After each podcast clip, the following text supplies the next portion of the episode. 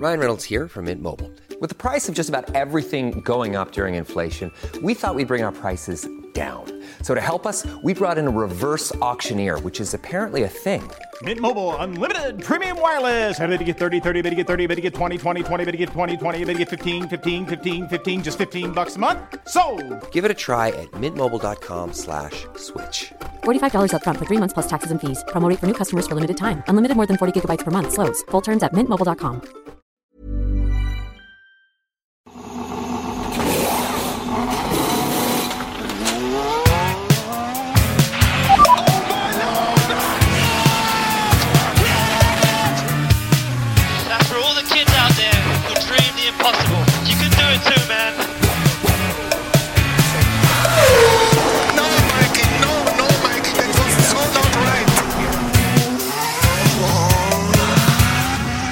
claps and steering wheel.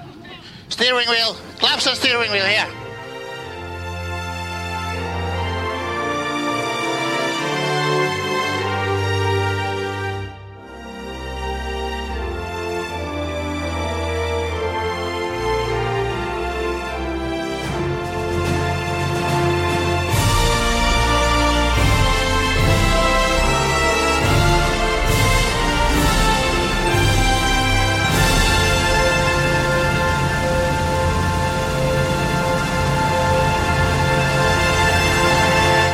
Ja, Anna Andersson, vad är det vi hör där och varför? Jag skulle säga att det är Österrikes nationalsång eftersom Max Verstappen drog in sin eh, 33 seger. Och Ja. eh, Red Bull säkrade sitt eh, andra VM-guld, eller sin andra VM-titel för den här säsongen när man blev konstruktörsmästare i USA. Ja, det är mycket riktigt. Det vi hörde var alltså Österrikes nationalsång och vi hörde den i dubbel bemärkelse. Ett, i glädjens tecken för att Red Bull nu är mästare för femte gången genom tiderna, va? Första gången utan en Renault-motor. De är mästare för första gången sedan 2013 när Vettel och Webber körde. Första gången som en icke-Mercedes-motor faktiskt har vunnit eh, konstruktörsmästerskapet efter hybrideran som startade 2014.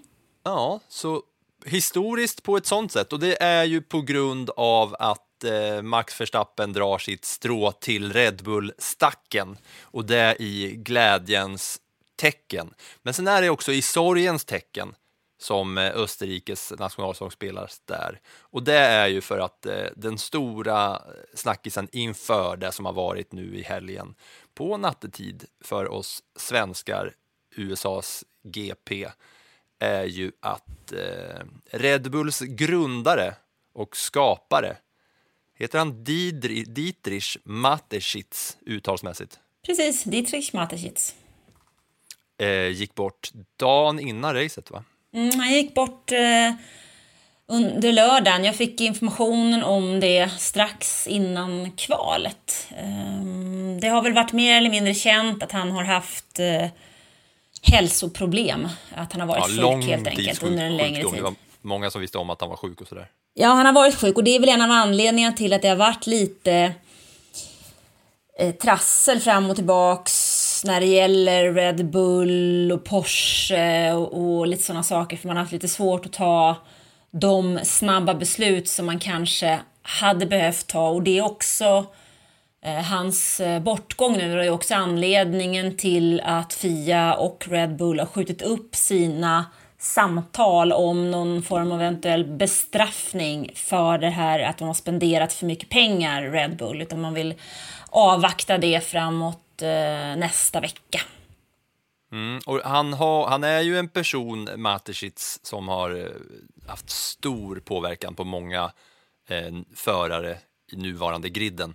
Som, eh, ja, det var många som var väldigt, väldigt påverkade av det här och Red Bull såklart och med all rätt eh, tillägnar ju segern till honom, Verstappen tillägnade segern och eh, konstruktörsmästerskapet som kördes hem var ju också tillägnat eh, den här eh, Mateschitz då. då. Eh, så det var ju lite, det var, låg lite som ett lock på hela, hela USA GP-helgen eh, nattetid den här, den här vändan. Men absolut, alltså det är säkerligen en fjärdedel av förarna på griden som har haft med honom att göra och som har honom att tacka för sina karriärer. Jag vet Mm. Det inte, var ska ju-. Ja, det var ju flera eh, som i sina in intervjuer inför racet som, eh, som nämnde det där. Gaslys, eh, Pierre Gasly sa jag hade aldrig varit i F1 utan honom.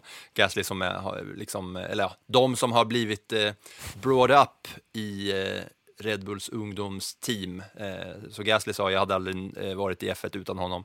Ricciardo sa jag är skyldig honom större delen av hela mitt professionella liv och eh, min karriär. Och Fettel Vettel säger att det är en av de viktigaste personerna, även utanför racingen, en av de viktigaste personerna i mitt liv. Men för den som inte har liksom full koll då, vem var den här eh, Mateschitz lite mer eh, bakgrund och sådär, mer än att han, det var han som liksom grundade Red Bull? Ja, men för att göra en, en lång historia lite mer komprimerad så eh, kan vi säga att han, vart, han reste till Thailand eh, under 80-talet och eh, drack den här drycken, karting daeng. Min thailändska är inte bra, men någonting liknande. Inte lika bra som det tyska uttalet, men Nej, inte riktigt va. Eh, Men han drack i alla fall drycken i Thailand och han upplevde att han inte drabbades av någon jetlag.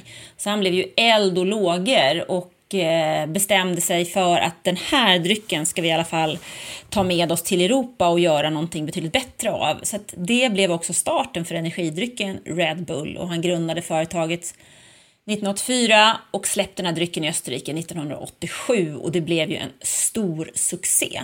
Och han har liksom minst sagt. Ja, jo, men han har varit jätteintresserad av extremsport och av motorsport och använt det i sin eh, marknadsföring på många olika sätt. Och rätt snabbt så, så klev han in i motorsporten och han ägde faktiskt länge 60% av Sauber som nu är Alfa Romeo. Men han avslutade det samarbetet 2001 Eh, anledningen till det var att Sauber valde att skriva kontrakt med Kimi Räikkönen istället för Enrique Bernoldi som Red Bull sponsrade. Så blev man så irriterad så då eh, ströp, liksom, gick han ur det samarbetet.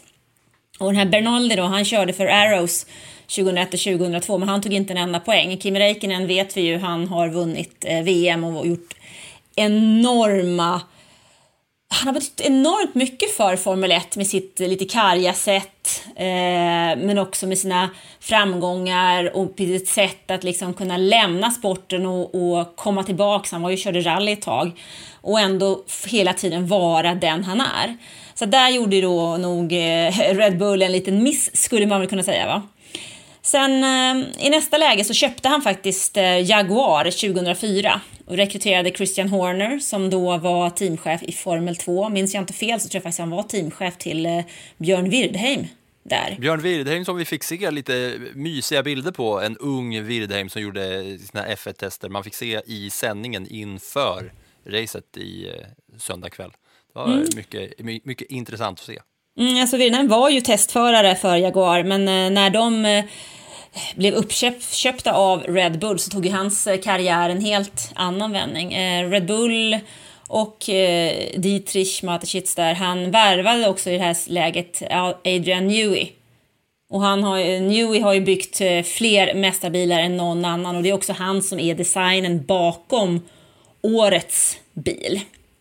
Eh, Och det här 2004 så köpte Och då snackar vi, förlåt, då snackar vi alltså racing design och inte utseende design, eller hur? Absolut, då snackar vi ju hur man, hur man bygger en Ja, bil. Han är ju liksom geniet bakom eh, bilbyggandet och den designen som man ska ta den designen man ska ta fram. Man får ju en regelbok som säger att de här reglerna ska en F1-bil hålla sig inom. Och att sen skapa en bil efter de förutsättningarna som ges i den regelboken och veta vilka gråzoner man kan jobba med och vilka man inte kan jobba med. Det är ju Adrian Newey fantastiskt duktig på. Så att eh, han klev in i Red Bull där. Samma år, 2004, så köpte Red Bull också A1 Ring som var F1-banan i Österrike, döpte om den till Red Bull Ring och där tävlar ju F1 på nu då sedan 2014. 2005 gick eh, Mateschitz ihop med sin goda vän Gerhard Berger som tidigare körde F1 för Ferrari. Och de köpte tillsammans Minardi och döpte om det teamet då till Scuderia Toro Rosso och idag heter det stallet eh, Alfa Tauri. Eh, Toro Rosso, det var, de köpte ju Minardi, så Minardi är det teamet där faktiskt bland annat Fernando Alonso debuterade för ett litet privatägt italienskt stall. Då. Och det köpte eh, Matecis då för att göra som ett juniorteam till Red Bull. Och han har ju också liksom, han har legat bakom sponsringen av Sebastian Vettel. Ni som lyssnade förra veckan vet ju att eh, Red Bull klev in som sponsor till Vettel redan på 90-talet. Och eh, han har också hjälpt förare som Carlos Sainz, Daniel Ricciardo, Max Verstappen, Pierre Gasly, för att nämna några, till Formel 1. Han har ju också lämnat ett avtryck inom fotbollen. Rasenballsport Leipzig, eller RB Leipzig. Bundesliga exempelvis har han ju fört upp till högsta ligan och till Champions League-platser. Där spelar ju Emil Forsberg. Och Red Bull, Salzburg bland annat. Och han har jobbat mycket inom äventyrssport och sen har han också sponsrat Mattias Ekström när han körde DTM. Så att Red Bull har ju haft en enorm betydelse inom eh, framförallt motorsporten skulle jag säga. Ja, de har ju liksom haft seriös betydelse för väldigt mycket för, för att vara ett energidryckföretag. Att det var där eh, Mateschitz började liksom och sen blandade ihop alla de här intressena för att eh, så mycket som Red Bull har gjort Alltså, nu snackar vi liksom Formel 1, en av världens eh, mest pengastinna sporter och, eh, och eh, ja, men även då Red Bull Leipzig och, och Salzburg och sådär. Eh, det är ju det är så långt bort från bara energidrycken, så att säga. Det är ju en, ett brand i sig. Och sen har de ju gjort hur mycket annat som helst med, med eh, hette han Baumgartner som hoppade från rymden, som gjorde det här eh, hoppet. Det var också en sån Red Bull-grej, att de hade högsta fallskärmshoppet eh, från högst nivå när han hoppade ovanför atmosfären. Den här. Kan han heta Baumgartner? Han blandar alltid ihop han och sen eh, han, han eh, västtysken som faller. Nej men han hette absolut Baumgartner. Ja. Inget snack om det. Men däremot så blev jag lite så här, eh, fick jag lite ont när du säger eh, Red Bull Leipzig. Ja, ja men det, ja, jo, det gör man ju som, fotbolls, eh, som fotbollsintresserad så är ju det en liten svordom. Men sanningen är ju att eh, ja. de, Rasenball eh, är det ju inte. Det är ju Red Bull. De har ju, det är ju Red Bull-klubbar. Absolut, men man får ju faktiskt inte ha ett sponsorsnamn i eh, eh, namnet om man spelar i tyska Bundesliga. Så det var mina, mina tyska... Ty, den tyska delen där fick lite ont i örat måste jag erkänna. Ja, men det bjuder jag på. En annan grej som kanske ska göra lite ont i örat. Det här, det här är liksom en, en sån eh, anekdot som jag har hört, men så jag kan liksom inte komma ihåg exakt vart ifrån det jag har hört den. Om det är så att jag har hört den i typ Offsides podcast eller om jag läst om det i någon nå så här eh, liksom Sport Bible eller något sånt. Men att Red Bull fotbollslaget då, eh, att de har, när man, när man skriver på som ungdomsproffs där, i klubben som då är Red Bull, då skriver man på ett avtal där som säger ja men jag, eh, jag är skyldig att komma och dyka upp på träningar så, så här många gånger, jag kommer tjäna så här mycket, jag får inte vara ute och, och eh, svira på krogen, jag får inte knarka, jag får inte göra de här grejerna, man får inte dricka Red Bull att, det, att det, de som, om det är någon som vet vad Red Bull gör med kroppen så är det nog Red Bull själva och att de då har skrivit in det eh, i kontrakten med ungdomar. Att ska du spela för den här klubben, då får du inte dricka den här energidrycken. Så jag, jag, jag, och jag vill jättegärna låta den storyn vara ocheckad för att den är så himla bra så, bara. Då sätter vi punkt där tycker jag. Ja, eh, det kan vi göra. Det har ju varit ett race, men eh, som vi ska prata om. Ja, eh, det är ju alltså en då av de mest betydelsefulla inom nutidens Formel 1 som har gått ur tiden. Alltså. Mm. 78 år blev han. Inte så jävla mycket du. Men med en tids sjukdom i eh, kroppen alltså. Och det var många som var påverkade av det här. Men om vi eh, bumprar på en eh, Formel 1-bil som kör förbi och sen så pratar vi mer om själva racingen. Ja, det var ett race som återigen vanns av Max Verstappen, den ständige vinnaren den här säsongen, Max Verstappen, och som sagt kör hem då konstruktörsmästerskapen. Lite väl på grund av att eh, Carlos Sainz eh, efter sin pole position blev bortkörd i kurva 1 i den mäktiga kurva 1. Alltså, jag, jag hade med mig, i och med att det var på kvällstid eh, den här gången, så hade jag med mig min sambo som är så jävla ointresserad av att kolla Formel 1. Hon har ändå så här hängt med, typ, hängde med på EM i Frankrike, kollade på, eh, på svenska landslaget i fotboll, var med på liksom en hel resa där, har hängt med och kollat hockey någon gång. Hon har varit med på lite så här mästerskap, även fast hon inte är sportintresserad. Då tog jag upp så här, jag bara, men fan, skulle du inte hänga med och åka, åka på ett Formel 1? Aldrig i livet. Aldrig i livet. Men jag satt då och försökte få henne då, för att det var så jävla mäktiga bilder hela tiden från eh, Circuit of the Americas. De här bilderna på starten, backen upp 30 meter och sen den ultimata vinden för syns skull som gör att flaggan vajar, den gigantiska amerikanska flaggan vajar inåt över banan. Och den här långa raksträckan och så den långa backen upp och den breda, breda kurva 1. Den är ju, jag tycker fan den är maffigast eh, av alla banor. Ja, men den är ju maffig och den är ju så amerikansk på något sätt med Mm. hela just det, just det som säger med, med flaggan och det här med att eh, det var nytt publikrekord, fyra dagar, 440 000 människor på banan. Ändå så såg det på tv-bilderna, tyckte jag, ganska glest ut på många håll och kanter. Eh, faktiskt, i alla fall under eh, race-söndagen. Men den är ju väldigt det är ju väldigt amerikanskt, men det känns väl bra. Man måste gilla liksom. det i, i sportsammanhang här. Jag tänker ju att om det är något race som man ska på av de tre, tre USA-racen nästa säsong så är det ju faktiskt det här jag skulle vilja åka på. Hellre än, än, än Vegas och Miami. Ett, det är väl det som man kanske skulle ha chans att ha råd med om man vill åka som fan. För eh, man lär ju fan inte ha råd med eh, Vegas och Miami för det känns som att det bara är liksom VIP-personer som är välkomna där. Eh, men det här är väl liksom en upplevelse och den här, den här snabba trippelkurvan, liksom S-svängen, vad kallas den? Heter Ja, men den... sånt? Ja. Eh, Det är som en S-kurva. Ja, men S-kurvan, ja. jävla cool att i så hög fart att den är liksom är, det är nästan så att drömlinjen är rakt fram. men Man måste ligga i så hög fart och det är så snyggt när man tajmar hela den. Och då när de här flygningarna med helikoptern kör över där så är det en till flagga som spanar ut över den här. Eh, det är så jäkla coolt.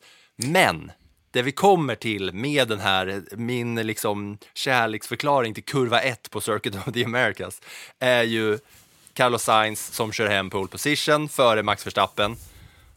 Och det såg ut som att nu är Sainz på gång här i och med att eh, ja, de gick ju bra båda Ferrari-bilarna under kval, som vanligt.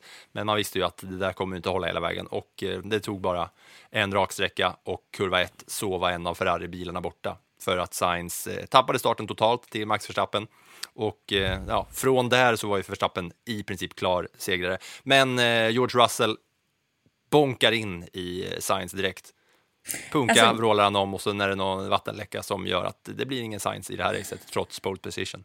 Ja, någon kärleksförklaring lär ju inte Carlos Sainz eh, i alla fall släppa ut över George Russell efter det där. För det var ju en riktig eh, mangling, skulle jag vilja säga. Det kändes egentligen inte alls så gentlemannamässigt så som jag uppfattar George Russell, utan snarare lite slarvigt faktiskt. Och, och han känns egentligen inte slarvig. Men det här kändes ju inte bra. Alltså det var, tro, jag tycker det är lite trist att få en sån klantig start eh, på racet för att det tog bort lite av spänning. Nu återkom spänningen i det här racet ändå för det var väldigt många gubbar som, som verkligen fick liv igen på den amerikanska kontinenten och det var trassel i depån och det ena med det femte som gjorde att vi fick ett spännande race i alla fall och ett av de racen som jag har upplevt som mest spännande trots att vi hade Verstappen som eh, vinnare för annars kan ju det bli lite tjatigt. Men... Jag tycker också det var ett sånt jävla kanonrace alltså. Ja, riktigt, riktigt kul var det att se, för det var så många olika komponenter som spelade in hela tiden.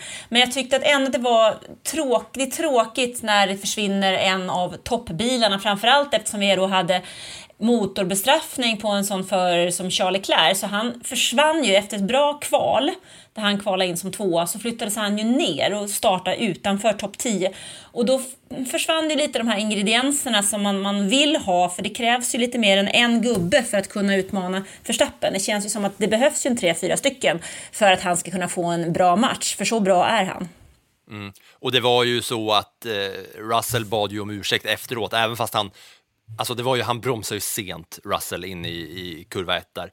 Eh, I en Mercedes som är eh, på gång. Jag satt där flera gånger och tänkte, fan nu kommer den, nu kommer den, eh, segern för eh, Mercedes. Men vi får vänta lite till. Men eh, Russell bromsar ju sent och så säger han bara, ah, eh, oh, Science went straight into me, bla bla bla. Men det var ju bara för att försöka rädda sitt egna skinn där. Efteråt så eh, bad han om ursäkt. Han eh, sa, first of all, eh, först av allt så vill jag be om ursäkt till eh, Carlos för eh, första kurvan. Han förtjänade mer och det var en missbedömning från min sida.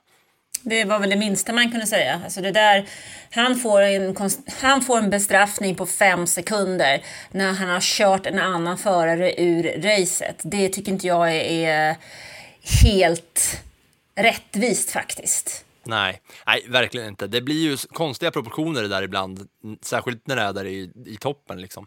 Eh, men det är ju ett av de, de stora vad ska man säga, så här, frågetecknen som, som inte går att liksom göra något åt, för sådana där grejer råkar ju ske. Men man, man kan ju liksom inte ge, man kan ju inte liksom diska hon, en bil för en grej på något sånt sätt. Det blir, då blir det lite som den här diskussionen, som inte kanske är så jävla dum ändå, som man kan ha i fotboll, att om man skadar en spelare, alltså en sån här riktigt jävla röd kort-tackling, att man då ska bli avstängd lika länge som den här spelaren då blir skadad, om man bryter någons ben till exempel, säger jag som gammal Arsenal-supporter och jag har fått se Birmingham-spelare krossa ben på Eduardo och Ryan Shawcross eh, knäcka benen på Aaron Ramsey och sådana där saker. Men eh, vad fan, fem sekunder, det var ju direkt där. Så kom det en säkerhetsbil för första gången sedan 2015, direkt på varvet, pang. Ja, och sen kom det en till. Ja, det, fick, det var rekord som slogs i eh, dubbel bemärkelse. Men eh, innan vi, eh, innan vi köttar vidare i det här racet, du var inne på gubbarna där, eh, för det här var ju, har vi nästan redan döpt det här avsnittet till gubbarnas race eller gubbarnas helg. För det var ju en story om Vettel och Alonso eh, den här helgen, eller det här racet då. Vettel som blev driver of the day också och Alonso, vi ska snacka mer om dem. Men trots att det var gubbarnas race så var det ändå en helg där man fick se lite träningspojkar dyka upp och kanske lite framtida eh, stjärnor. För det var ju, eh, det var ju träningsfest i eh, FP1 där Ferrari, McLaren, Alfa Romeo, Williams och Haas alla hade eh, nya unga förare i sina säten. Och då var det alltså, han är ryss va, Schwarzman? Nej, eller... Robert Schwarzman. Så här han, har är det ju. Ja, rysk, men det- han har en rysk flagga i mitt Formel 1-spel, för jag haft han, hade han som andra förare Ja, i, eh, i han mitt ju- karriärsläge. Ja, han är ju uppvuxen i Ryssland men han har även israeliskt medborgarskap. Därför så efter det som inträffade i Ukraina så kör han numera med israelisk licens och inte rysk licens. Och när jag spelade F1 2021-spelet Så, återigen, så hade han den rysk flaggan, han var andra förare i Bumperbos eh, eh, gula lag med mina eh, egna designade bilar. Eh, Robert Schwarzman alltså, som provkörde för Ferrari. Alex Palou, eller Palou, körde för McLaren. Eh, och han är ju Indycar-förare. Eh, som vi känner igen, som följer Indycar. Och sen är det ett eh, franskt namn, Theo Pourchaire, som körde för Alfa Romeo, Logan Sargent som körde för Williams och eh, Antonio Giovinazzi som körde för Haas. Och Giovinazzi behöver väl inte säga så mycket mer om för att han känner vi ju igen från sin tid i Alfa Romeo och eh, i depån för Ferrari. Men det som, eh, det som jag tyckte var intressant här, det var ju att alla de här fick köra i träning 1. Eh, Palu var ju så här att de kom med lite bromssynpunkter till honom i teamet. De bara, nej du måste bromsa, du måste, det funkar inte, du bromsar för hårt. Jag kommer inte ihåg exakt vad fan det var de sa, men hans svar i alla fall, den här bilen är alldeles för snabb, jag tar mig så jävla snabbt till kurvan, den transporterar mig så jävla fort så jag hinner inte bromsa, det går så jävla fort. Han älskade ju den där bilen och det var en jävla upplevelse för honom. Men de här fem, en, två, tre, fyra, fem förarna då som fick köra ett, första träningen, det som var intressant att se var att de var ju sist, hela bunten. ja. Att, Nu att kan- är, Du lyckades Att- klämma in fem svordomar på en mening där. Det är då 17 rekord för dig också du. Ja, tack. Det är bra. Rekord är här för att slås och vi ska berätta mer om rekord om en liten stund. Kan vi nästan eh, lyssna på hur, eh, hur många det där var, för jag tänkte inte på det själv. Eh, ingen av dem eh, placerade sig högre än någon annan, alltså av de ordinarie förarna. Och det är ju lite intressant, för vi satt ju för en vecka sedan och pratade om Sebastian Vettel och storheten med att han under sitt första fredagspass faktiskt toppade träningen. Ehm, och då ser man lite grann hur svårt det faktiskt är och vilken talang och kunskap som krävs för att kliva förbi de andra förarna som har rutinen av Formel 1. Nu kan ju alla säga så här för som, ja, att ja, jo men det var en annan tid och absolut, självklart. Det är en väldig skillnad på hur en F1-bil är 2022 och hur den var 2006 var det väl. Så att det är klart att det är en jätte, jätteskillnad på hur bilen är, men det är ändå så att det är oerhört imponerande när en fredagsförare, en debutant, kliver in och ligger med i topp. Och utan att ens toppa, ligger man med i topp så är det någonting att gå på. För här ser man hur fruktansvärt svårt det är. Och alla som du räknar upp här, utom Antonio Giovinazzi, är ju faktiskt eh, debutanter som kör under det här eh, träningsdebutantreglementet. Som ja, finns. Och, och, ä- och som du säger, så här, ja, det var en annan tid då. Ja, men det är också en annan tid nu på så sätt att de här förarna har ju redan så jäkla mycket erfarenhet och i och med att de är liksom eh, upplärda i diverse talangprogram och de har kört hur mycket som helst i liksom liknande eh, bilar, även fast det inte finns någonting som är eh, som en F1-bil. Men de har ju en jäkla erfarenhet ändå, trots eh, att de är liksom unga talent drivers i hela bunten. Jo men absolut. Så att eh, jag kan väl tycka att eh, i det där läget så växer ju faktiskt de killarna som eh, verkligen, verkligen lyckas. Och om man pratar framtid om de här killarna, ja, hmm, den enda som vi möjligen kan få se i F1 nästa år på riktigt är ju Logan Sargent, amerikanen, som, han, som kommer att få köra för Williams nästa år om han klarar superlicensen. För idag har han liksom inte de poäng som krävs. Utan eh, han behöver bli minst femma i Formel 2. Och sen har han ju eh, ett par träningsmöjligheter till med Williams. Men helt vet vi faktiskt inte förrän F2 har avslutat sin säsong i Abu Dhabi. Mm. Och eh, det i Abu Dhabi eh, körs ju i, i samband med det här eh, avslutande F1-racet. Då. Men eh, F2 är ju redan avgjort där Drugovic har vunnit, Porsche tvåa, Sargent är trea och Sargent måste bli totalt femma har jag nog läst mig till för att få de här tillräckliga eh, superlicenspoängen då. Och då Jag sa George Capito under, ja, under en presskonferens så sa George Capito att eh, ja, han kommer bli våran eh, förare om han nu tar tillräckligt många poäng. Sen, ja, men sen så får han får ju några extra poäng också av eh, eh, Williams, eller några extra poäng för att han kör före Williams under träningarna. Så att eh, han kommer med största sannolikhet att fixa det där. Eh, då eh, har vi föraruppsättningen klar för Williams nästa år då. Slår du nästan fast här, Anna? Ja, alltså den enda gubbe som saknas nu det är ju Haas. Och där var ju pressen enorm på Mick Schumacher inför helgen och det såg ju länge bra ut även under loppet fram till dess att han eh, blir inplockad i depån för ett andra depåstopp och så rasade han ju fastnade där nere på plats 15 så det blev ju inga poäng för honom. Däremot så blev det nya poäng för kollegan Kevin Magnussen så frågan är väl om det var Mick Schumachers chans där eller vad som händer.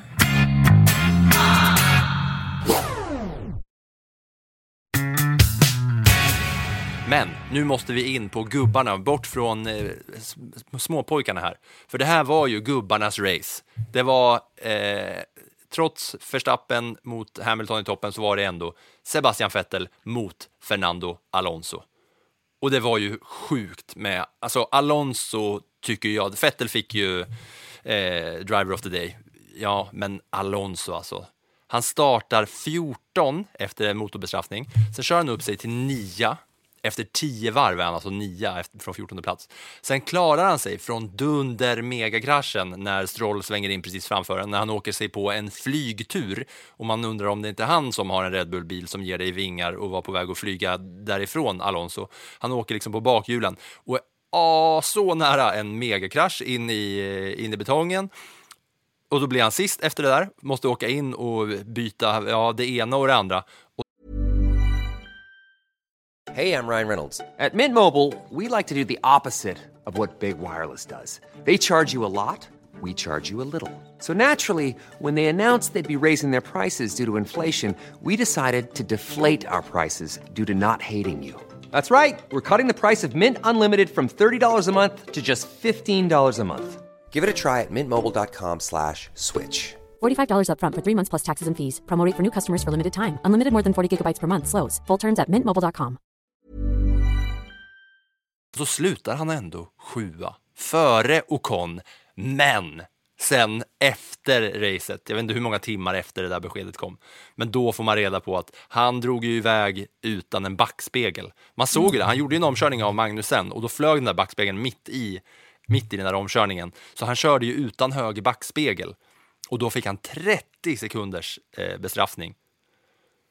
Alltså, jag har lite svårt för den måste jag, måste jag erkänna. Alltså, Fernando Alonso kör här med plattan i mattan i två timmar. Han riskerar sitt liv.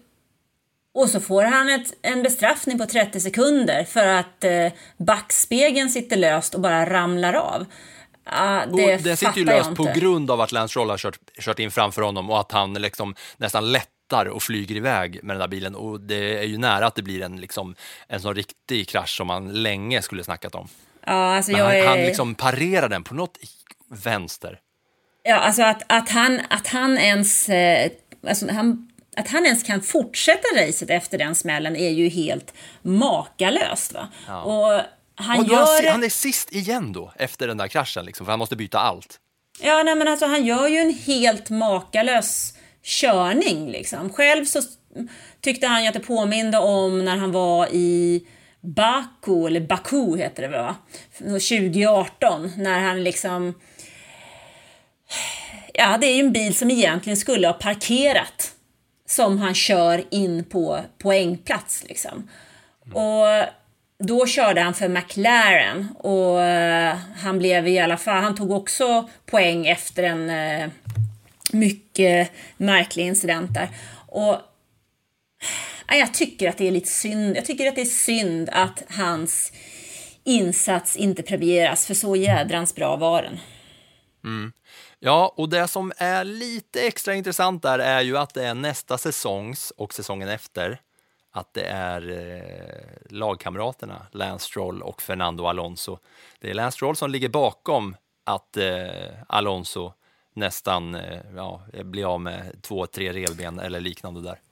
Alltså så här, Alonso kan vara väldigt tjurig. Han kan vara fruktansvärt tjurig. Alla ni som har sett F1 i några år vet ju hur han höll på när han körde med McLaren och kallade Honda-motorn för en GP2-motor och var otroligt negativ.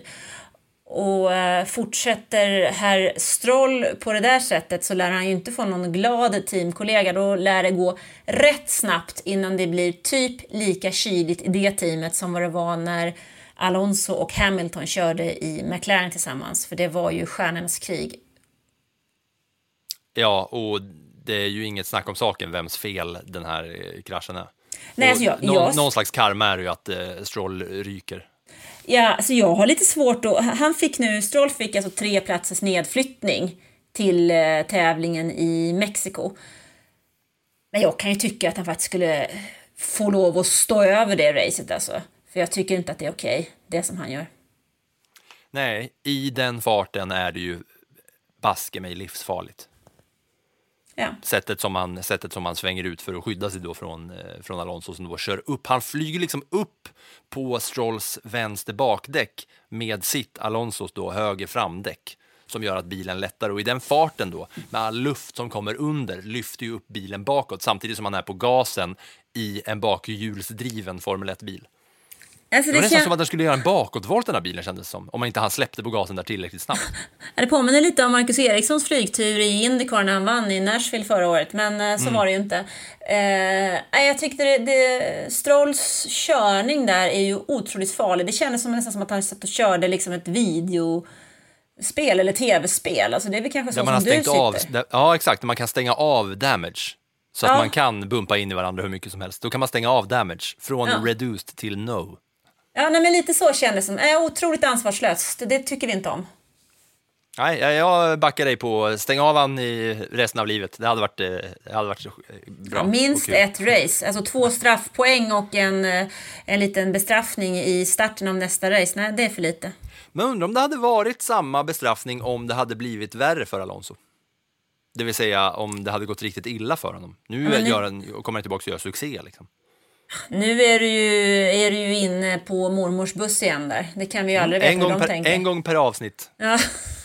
så ska den nämnas. Eh, ja, och sen var det gubben nummer två. Sebastian Vettel. Han ledde racet. Ja, han har alltså 3500 varv i ledningen har han kört nu. Det, jag tyckte det var jättekul att få se Sebastian Vettel i ledningen. Och jag blev så himla arg när han går in i depå och de klantar bort sig. Alltså de har, han ligger i typ topp 5 nästan hela racet. Han ligger i ledningen och har chans att göra ett så här superresultat. Nu slutar det visserligen med en plats 7 ändå eftersom man kan dra fördel av Alonsos bestraffning. Men det var ju värt så himla mycket mer. Vad kul det hade varit att få se Fettel typ på pallen. Det kanske inte hade nått dit, men i alla fall betydligt längre upp. Ja, nej, men och sättet som han kör, körde på, liksom, många kamper, många fina omkörningar, höll liv i de där däcken.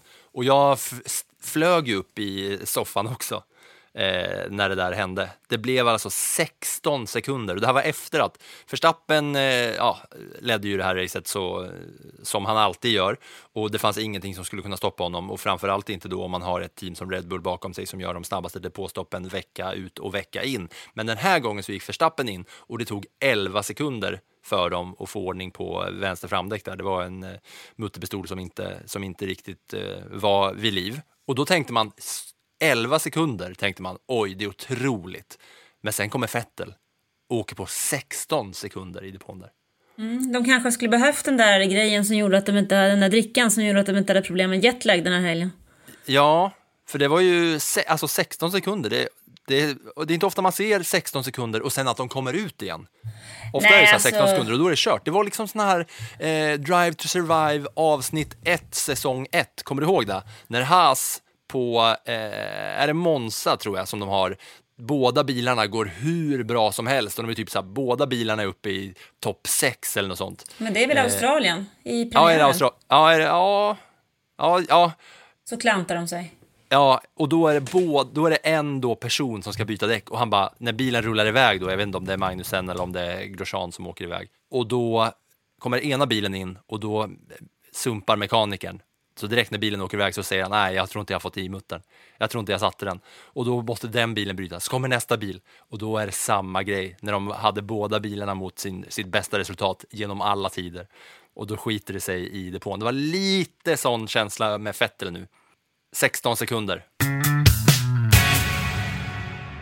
I och med den här segern på Kota i USA så är det så att eh, Verstappen tar sin trettonde eh, seger på en säsong och då tangerar han Schumacher och Vettel och då behöver han bara en raceseger till för att ha flest racesegrar under en säsong. Och då är det så här, då tänkte jag ta mina småstats i ett slags eh, Verstappen-format den här gången för att eh, han eh, slår ju rekord efter rekord. Och eh, då eh, raddar jag upp de här bara.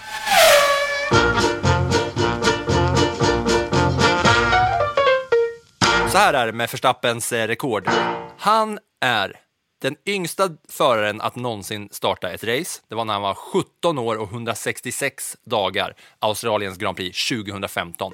Han är den yngste föraren någonsin att ta poäng och det gjorde han på Malaysias Grand Prix 2015. Då var han 17 år och 180 dagar. Han är även den yngsta föraren att någonsin vinna ett race. Det gjorde han i Spanien 2016. Då var han 18 år och 228 dagar.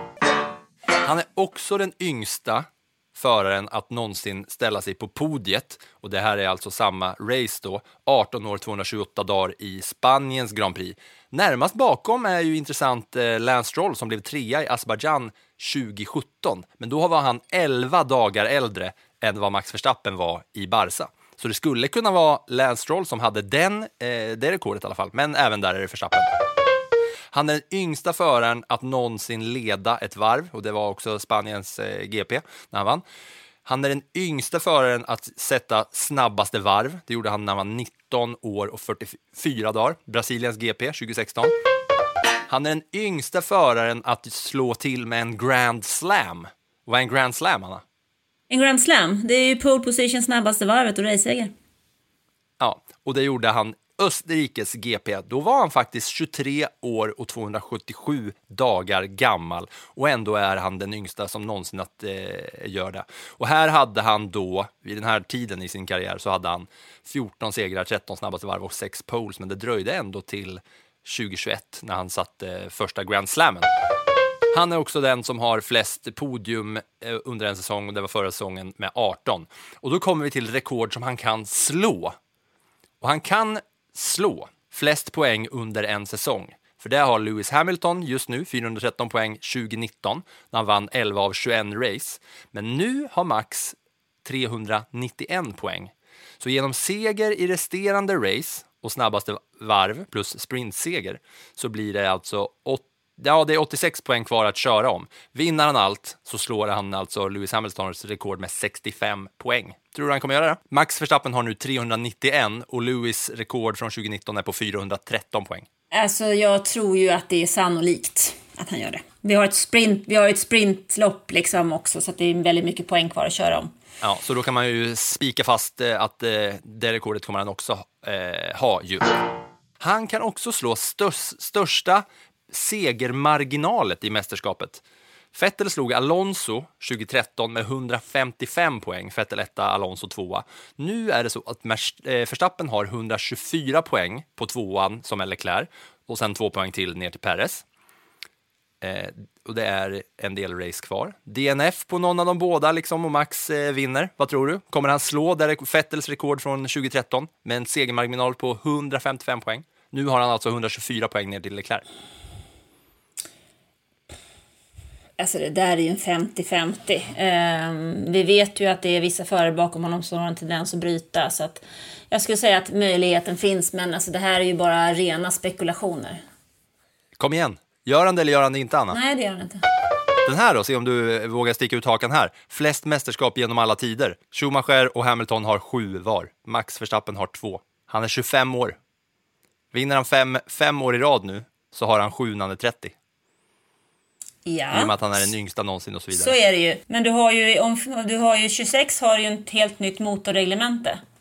Eh, och då kan det ju hända så oerhört mycket. Som de reglementesförändringarna kan ju ställa till enorma skillnader. Vi såg ju hur det såg ut vid den senaste reglementesförändringen 2014 då Mercedes dominerade något vansinnigt i flera säsonger. Så att, jag tycker inte att det, jag tycker inte att det är helt seriöst att sitta och prata om någonting när vi inte vet hur förutsättningarna ser ut faktiskt. För det är så himla långt bort i framtiden. Jag tror inte att han kommer slå Schumacher och eh, Hamilton. Jag hade 14 stats till, men det kändes som att du tröttnade rejält på att eh, höra statistik. Så nu får du ta dina plus istället, ska vi se om det blir lite, eh, lite gladare miner.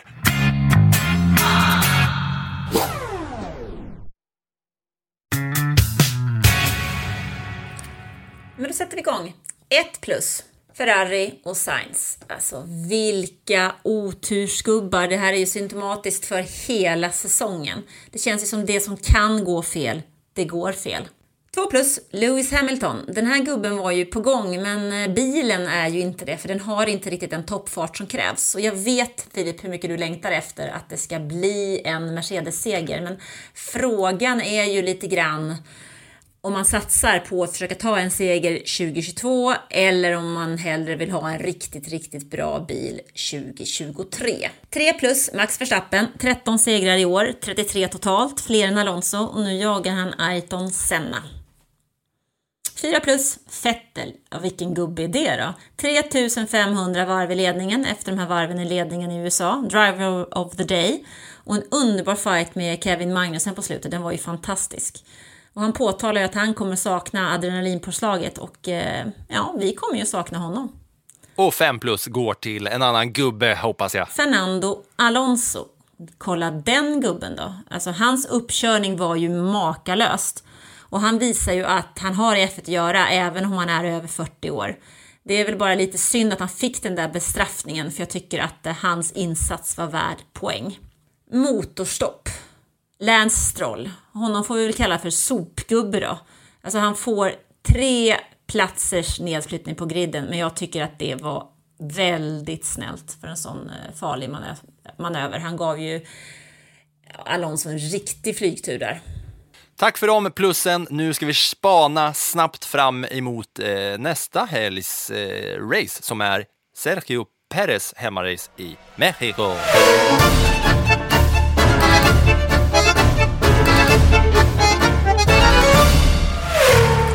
Ska vi prata om Mexiko ja. Vi har kvällsrace igen. Kvar klockan 22, race klockan 21. Och vad vet vi om den här banan då? Jo då, den kom tillbaks till F1 efter 2014. Det var 23 år som det faktiskt inte kördes någon F1 i Mexiko, men Sergio Perez har ju hjälpt till så att det är populärt som 17 i det där landet igen. Eh, banan den är döpt efter syskonpar, Autodromo och Hermanos Rodriguez och de två var ju några av eh, Mexikos absolut främsta racerförare. Eh, ingen av dem lever längre. Båda förlorade faktiskt sina liv på racerbanan i samband med racing. Eh, men den här banan då, ja den har ju inte sådär väldigt mycket eh, stora likheter egentligen med den banan där det kördes F1 på 1990-talet. Men det som man ofta har med sig efter att ha sett tävlingen i Mexiko, det är ju det här fantastiska stadionkomplexet som har plats för 42 000 åskådare. Det är riktigt häftigt och att stå på den prispallen är ju superläckert och det är någonting som alla förare som får möjligheten till att göra kommer att ha med sig resten av livet. Ja, det, det, det känns verkligen som att de kör in över en sån gammal byggd fotbollsarena som är byggd som en oval, men bara själva liksom höjningen borta i kurvan som de kör in i. Och så är det åt båda håll. Det är, det är extremt coolt där. Och så har de alltid så snygg målning i backen där också som de illustrerar Mexikos GP på något snyggt sätt. Så Mexico City ligger väldigt högt. Banan befinner sig på 2200 meter över havet, vilket är 1500 meter högre än banan i Brasilien. Eh, och den här höga höjden den gör ju att luften blir betydligt tunnare ungefär 25 procent mindre syre och det påverkar ju alla, förare, bilar, motorer.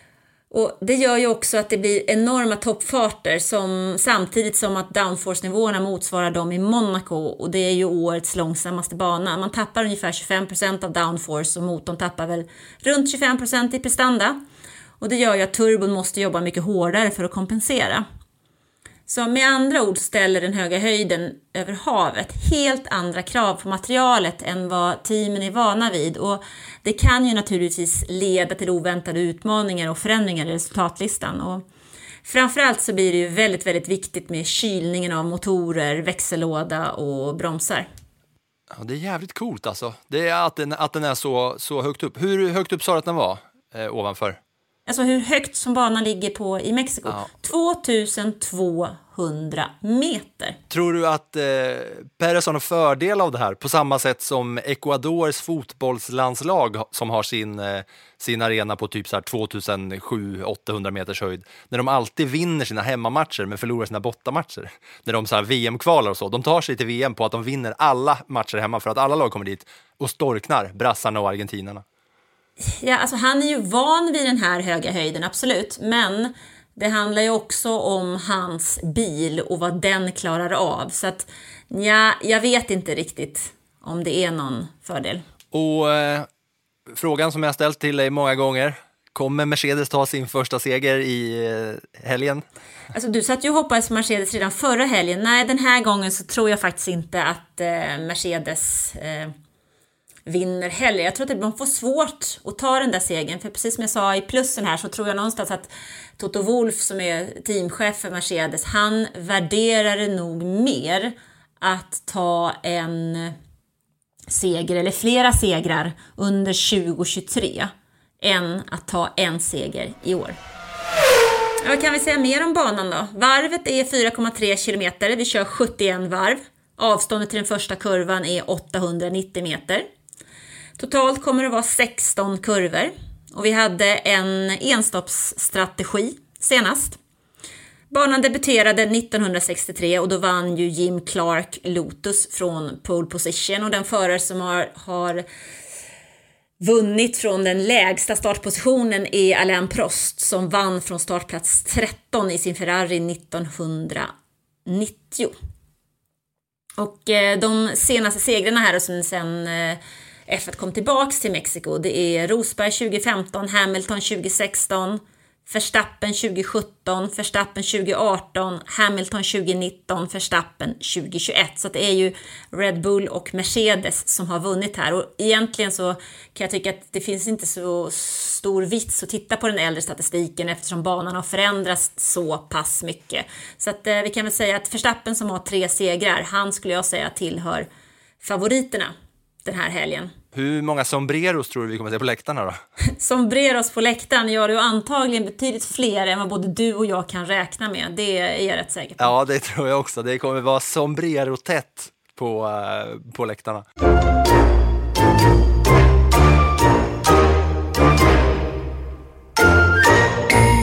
Och nu är det även så att vi ska ha verkligen en hyllningsnationalsång för att vår vän Dino Beganovic har helt enligt plan åkt hem mästerskapet som heter Formula Regional European Championship by Alpin. Jag tror att jag sa det rätt på det där sättet. Och i och med den här titeln så är det ju alltså stormsteg framåt mot en framtida Formel 1-plats som såklart är målet. Och Anna har pratat med Dino efter den här segern så vi lyssnar på Dinos känslor och tankar efter segern i Formula Regional Championship European Hula Baloo by Alpin? Nej men känslorna när jag gick i mål var helt obeskrivliga. Jag menar jag hade en bra stund på radion där efteråt med min ingenjör. Där, ja, efteråt så kunde man höra att jag var ganska hes. Så, nej men alltså det känns helt otroligt bra att få äntligen få säga att vi är mästare och eh, och efter en sån säsong att ha lett mästerskapet sen första dagen. Första racet har varit, har varit tufft men eh, vi klarade till slut eh, och har varit i ledningen sen första, första början. Så eh, jag är extremt glad över det. Hur har du upplevt säsongen? Säsongen har varit helt otroligt bra. Jag menar det har varit den, den bästa säsongen i min karriär hittills och eh, förmodligen det bästa året också. Vi har egentligen varit igång sedan januari med testande och körande i Dubai. Eh, och efter det har vi bara mm, varit, eh, varit igång och testat inför säsongen i Europa. Ehm, och det här mästerskapet som vi har vunnit. Och efter de, vad ska man säga, efter de fyra första helgerna så var det lite för bra för att vara sant. Eh, och vi visste att det skulle komma motgångar också men i början så kändes det som att vi var... Ingen kunde stoppa oss liksom. Och till slut så kunde vi vinna med ett race till godo. Så nej, det har varit en helt otrolig säsong för att eh, totalt sett. Som du ser det, vad ligger bakom dina framgångar? Det ligger hårt arbete. Jag menar, jag tror allt började eh, i slutet av förra året. Ehm, de två sista racerna där vi hade så bra resultat och så bra fart och eh, därefter var det bara att bygga upp inför det här året och att verkligen fighta som mästerskapet och veta att vi har farten att göra det. Eh, och som förare så har jag vuxit en del och eh, teamet har gjort ett stort steg framåt gällande bara allmän performance. Så ja, mycket hårt jobbande under vintern, mycket tester som jag har gjort för teamet för att eh, kunna leverera i år. Vad betyder den här titeln för dig i praktiken? Nej men jag menar, titeln betyder jättemycket för mig. Jag menar det är så många, det är så många som kollar på de yngre serierna och det är klart det är där alla förare går innan Formel 1. Så Formel 1-team kollar, eh, teamen från F2 F3 kollar och också såklart eh, lägre team och eh, följare eller supportrar. Så det betyder jättemycket. Såklart så, är, eh, så har jag fått ganska mycket super license points också som förhoppningsvis jag kommer ta fördel av i, i framtiden. Och vi har ju hört vad Dino själv har sagt om sin eh, femårsplan med att eh, ska vinna det här mästerskapet. Det kan man lyssna på i eh, specialavsnittet som vi gjorde i somras med Dino Boganovic, där han eh, pratar med oss i ett helt avsnitt och eh, berättar om hur det är. Så om du inte har hört det och nu när Beganovic börjar komma på flera eh, olika platser i media-Sverige efter den här segern i Formula Regional European Championship by Alpin så uh, håll ögonen öppna för Dino Boganovic, vår vän. Grattis till segern! Ja, då ser vi fram emot eh, mexikanska Grand Prixet i eh, Mexiko på höghöjd med sombrero. Vi får eh, plocka fram våra egna sombrerohattar och eh, sätta oss på söndag kväll och kolla på det här racet. Vi eh, köttar plattan i mattan vidare och tackar för idag.